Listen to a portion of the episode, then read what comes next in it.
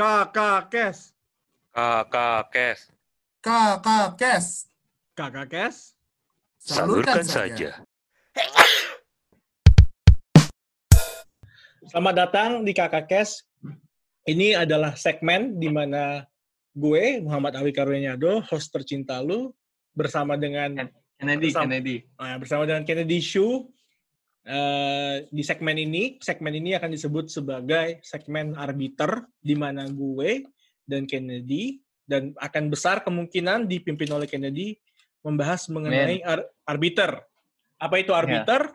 Arbiter itu adalah isti ar- arbiter itu adalah inisiatif yang eh, Kennedy sama gue bikin untuk menabung bersama kayak suami istri gitu loh, nabung sejuta sebulan, satu juta sebulan, dan tabungan itu dikumpulin dan diinvestasikan ke saham atau cryptocurrency. Jadi tabungan bersama untuk investasi gitu loh.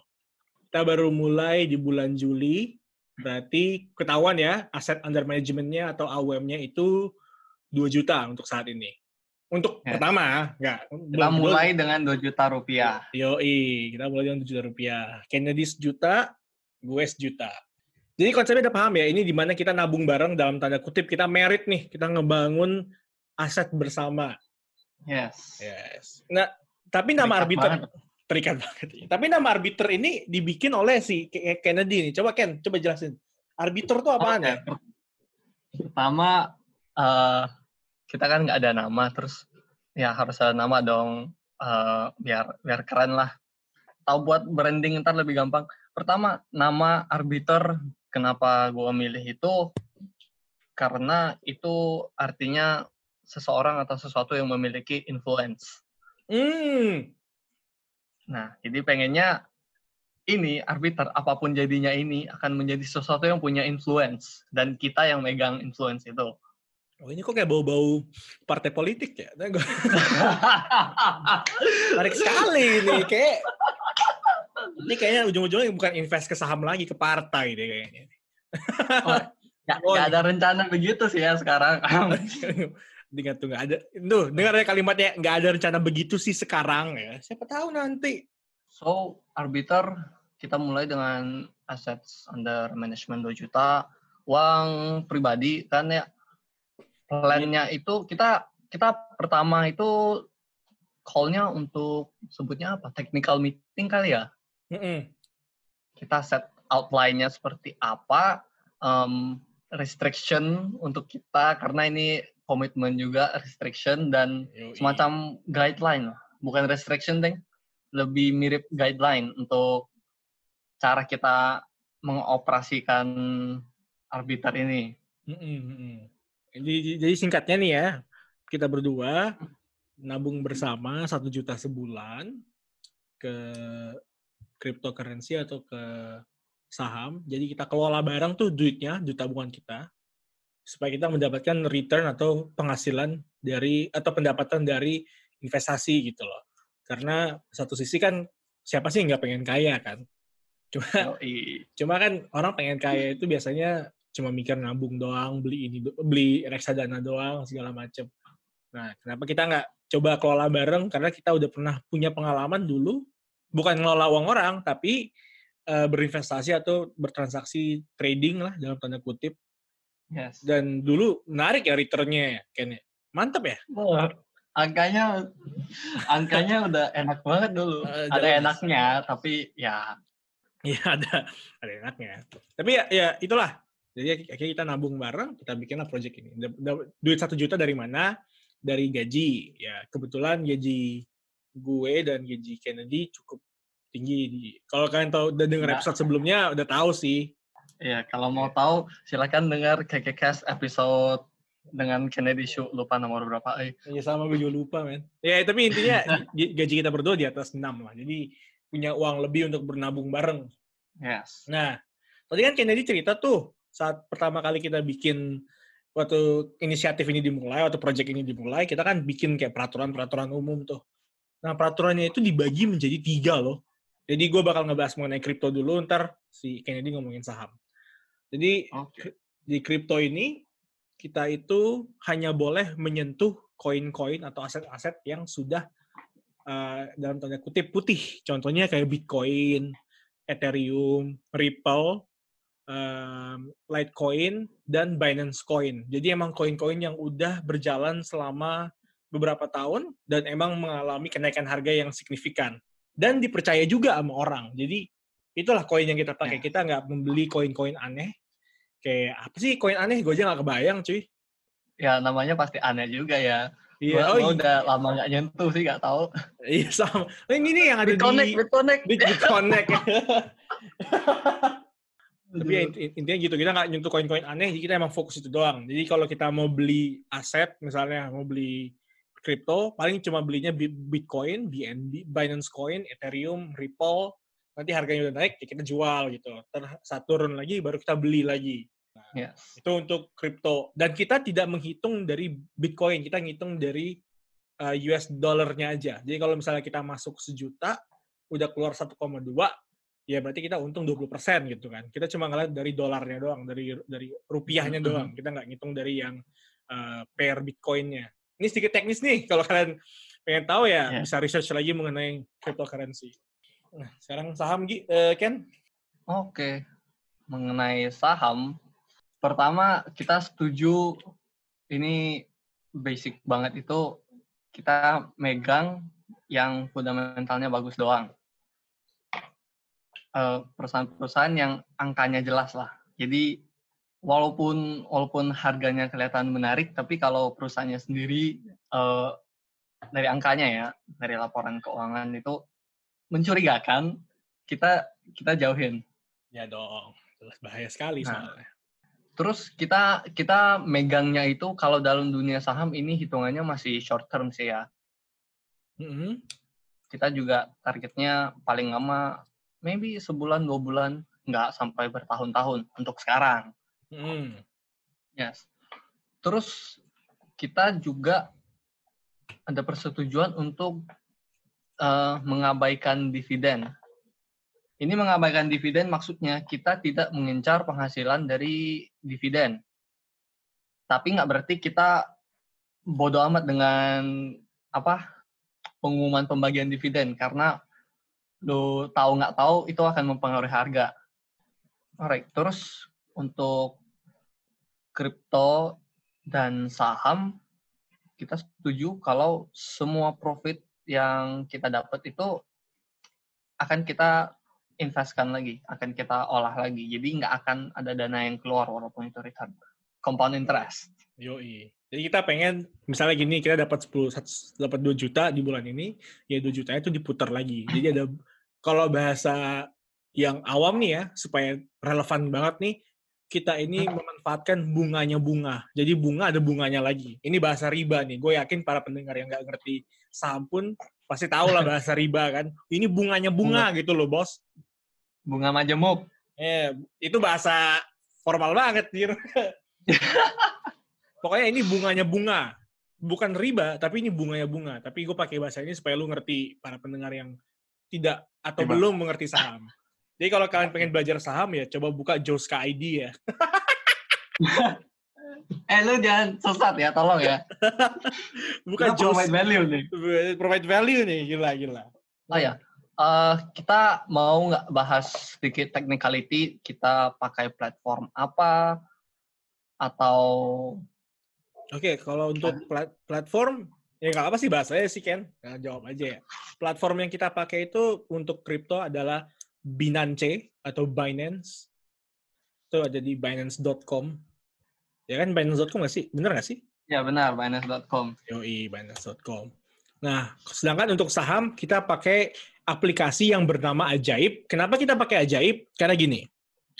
Awalnya waktu mau dibikin rekening saham itu, kita mau pakai Indo Premier kan. Gue soalnya Yes. ada soalnya gue ada akun Indo Premier yang tidak terpakai, akun iPod yang tidak terpakai, pengen dipakai. Cuma gue lupa passwordnya apaan, gue lupa password, gue lupa pin segala macem.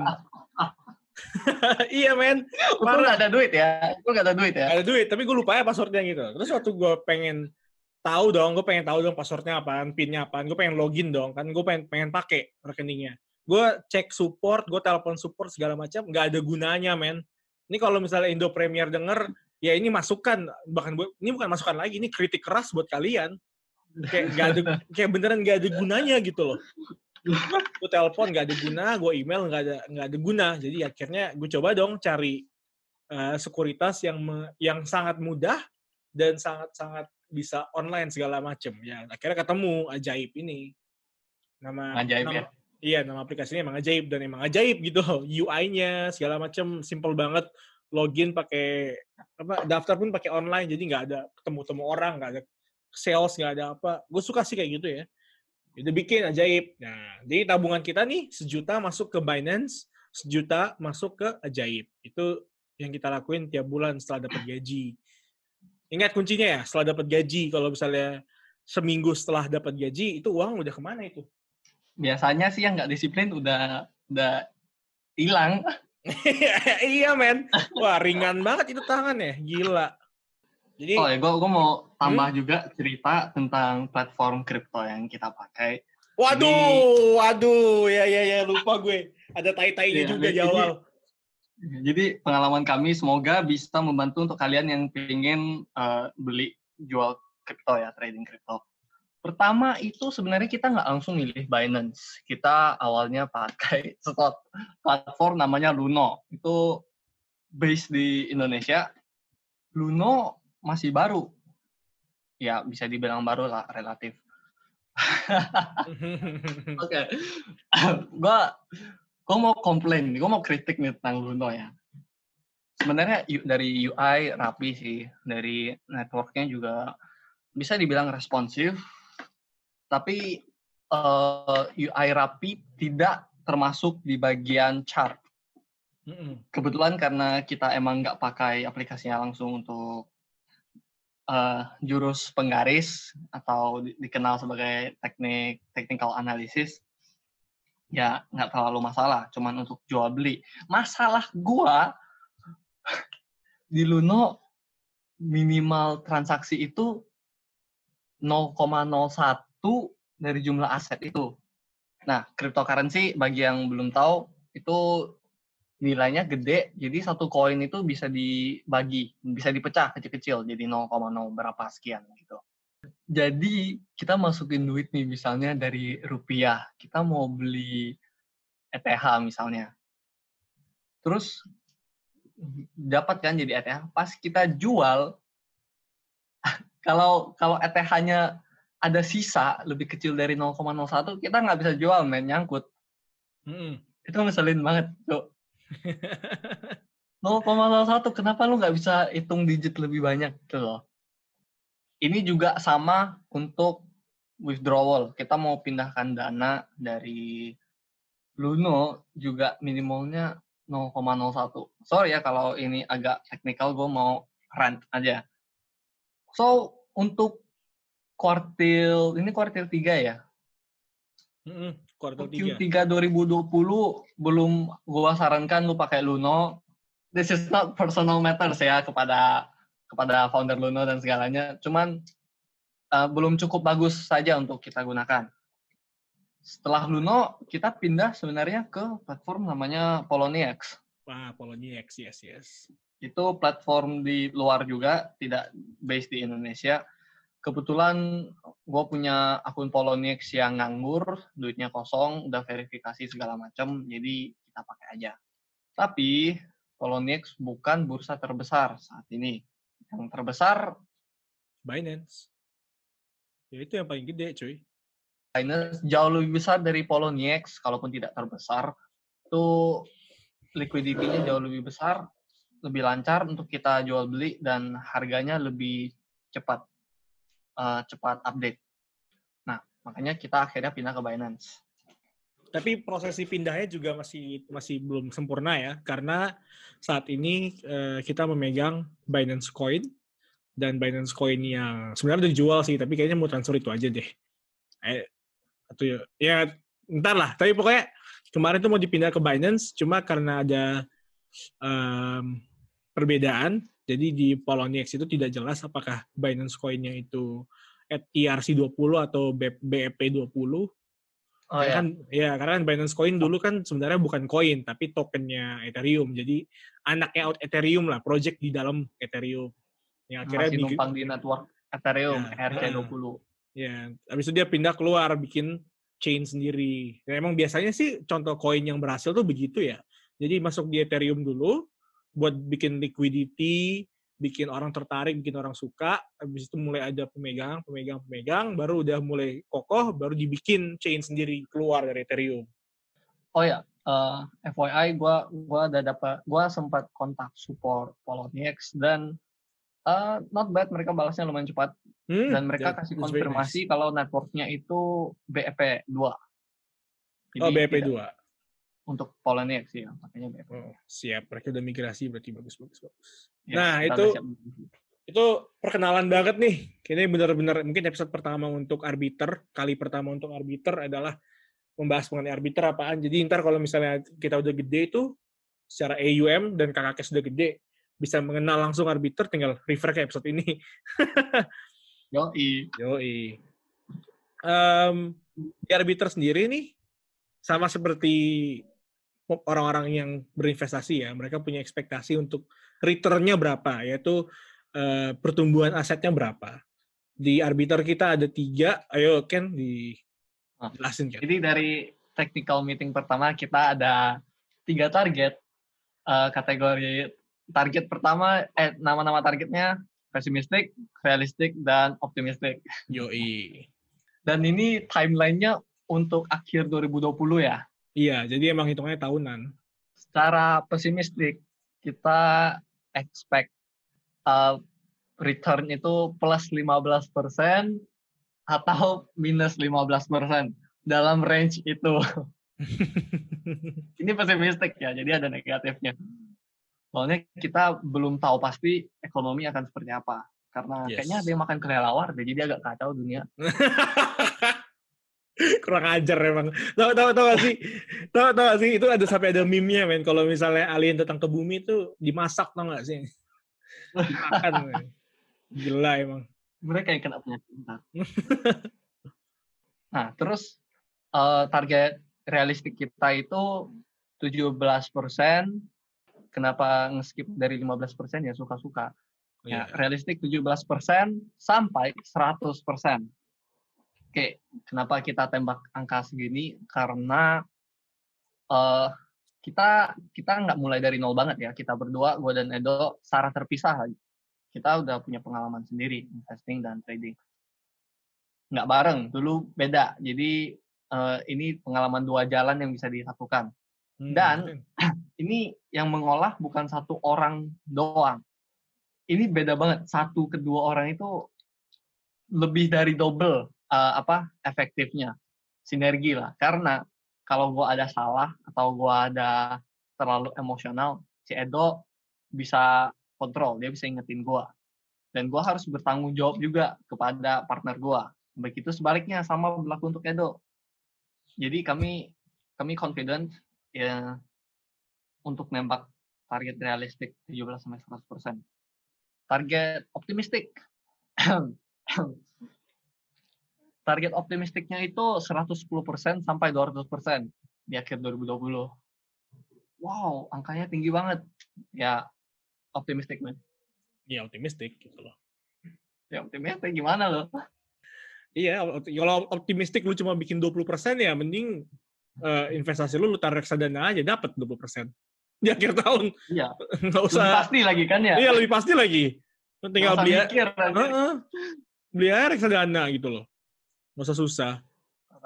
Itu itu sedikit sedikit dari technical meeting.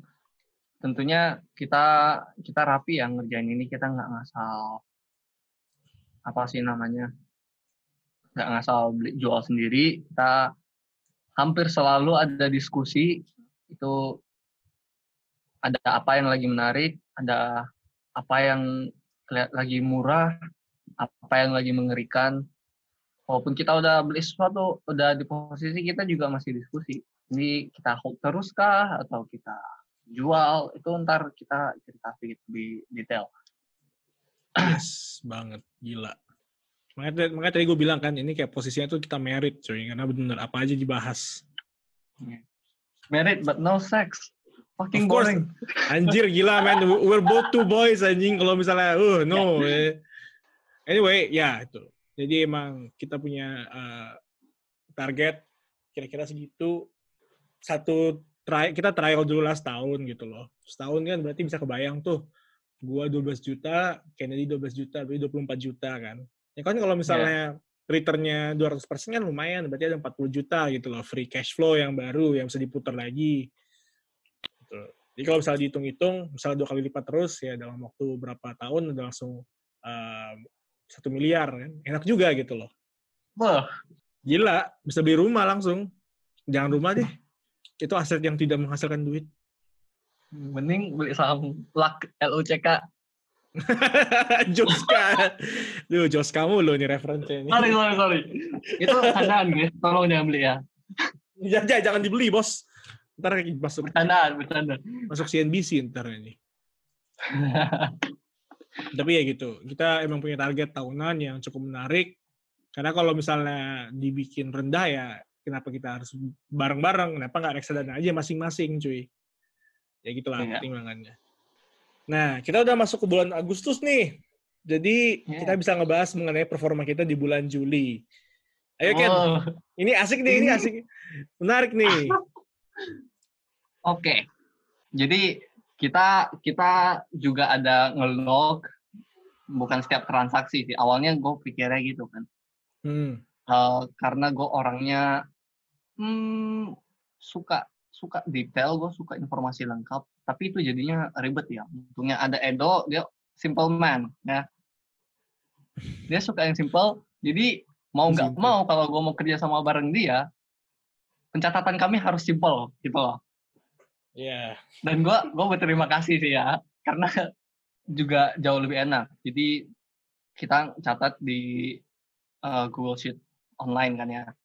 Sheet online kita depositnya apa aja, eh, berapa aja, kapan aja, AUM jadi berapa, masing-masing jadi megang berapa persen. Eh, kita juga catat setiap deposit itu eh, selama deposit eh antara dua deposit ini kita ada return berapa. Nah, jadi returnnya angkanya kenapa kita aduh technical banget eh.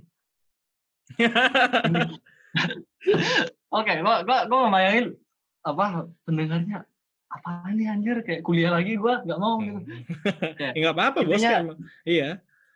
Ini ini sebentar aja ini buat yang mana tahu yang mau coba. Kenapa kita kita melakukan ini? Kenapa kita nge-lock return itu setiap setiap ada deposit? Karena misalnya ada beberapa deposit dalam satu bulan ya. Kita kita kan nggak ada kita nggak ada restriction deposit hanya boleh tanggal satu gitu. Jadi selama satu bulan bisa ma- masuk banyak deposit. Nah, ketika deposit masuk, AUM kita menjadi lebih besar, ya kan? Mm.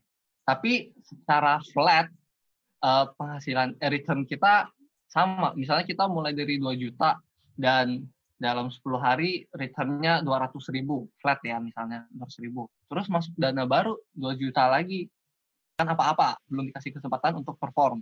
Iya, kan dana yang baru tuh belum belum belum perform kan. Jadi ya masuk dulu dia.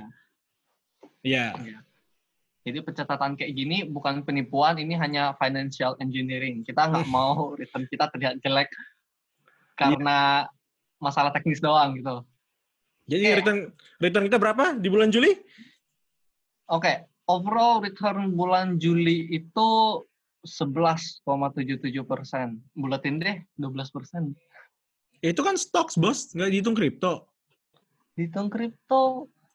Ini mau pakai AUM total atau apa? Oh iya, bener juga. Iya, iya jadi bisa Iya ya. deh. Stok saham sama kripto ya. Oke, oke. Overall 12 persen dari kripto itu 18 persen dan dari saham itu 9 persen. 9 persen. Eh, IHSG secara 10 eh setelah COVID gua nggak tahu deh berapa angkanya. Tapi sebelum COVID 10 tahun 10 tahun ke belakang rata-ratanya 9 ya. 9 Iya. persen per tahun. Nah jadi kita udah lumayan.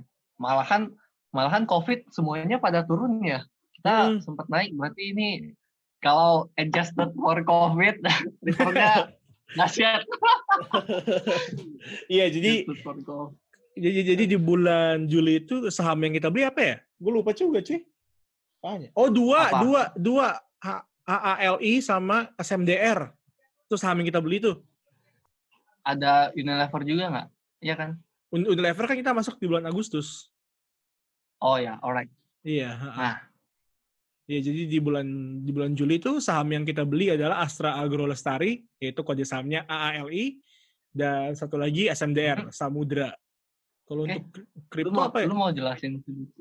Eh, kalau kripto kita beli Ethereum, terus kita beli Ethereum Bear, ETH Bear. Oh, itu menarik tuh. Wah, wah itu bisa dibahas itu ntar tuh. Tapi Iya, kayak-. Nah, Tapi kayak untuk episode episode pertama untuk eh, untuk untuk sek- apa sesi pertama apa, apa buat arbiter ya segini dulu nanti kita langsung masuk ke keduanya. Terlalu berat nggak sih kalau misalnya digabungin sama kenapa kita milih saham ini, Jir? Ini kan teknis banget Ah. nih soalnya. kita ringanin teknisnya kali ya. Iya, buat Lebih cerita. iya, kita buat- lebih banyak ceritain itu aja pengalaman kita kenapa decide ke itu selama hold position apa yang kita pikirkan gitu. Iya, oke. Oke, thank you banget yang udah dengerin eh, segmen Arbiter, episode Arbiter. Ini pembahasannya sangat-sangat teknis.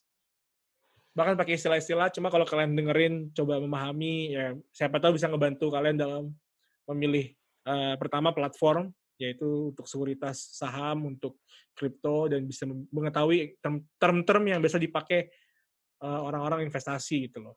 Ya, bahasa-bahasa alien sih, AUM gitu-gitu. Ya bagi yang nggak ngerti mohon bersabar suatu episode kita akan menjelaskan nggak akan lama dari sekarang kali ya. Iya. ya. Ya wes, thank you banget dengerin. Ken, ada kalimat terakhir nggak, Ken? Kalimat terakhir tolong eh, untuk investment dan trading itu itu eh, risknya tinggi nggak nggak segampang cerita orang-orang yang jual kursus segala macam. Tolong belajar dengan baik-baik karena itu ujung-ujungnya duit lo sendiri masa depan lo sendiri. Dan jangan kayak dengerin kita ngomong, wah return sebulan 13%, terus kayak kalian pengen ngelakuin hal yang sama. Ya enggak gitu, bos. Susah, bos. Gitu loh. Ntar kita bahas di episode kedua gitu ya. Pengalaman kita. Yes. Wes. Oke. Bye-bye. Kakak Kes. Salurkan saja.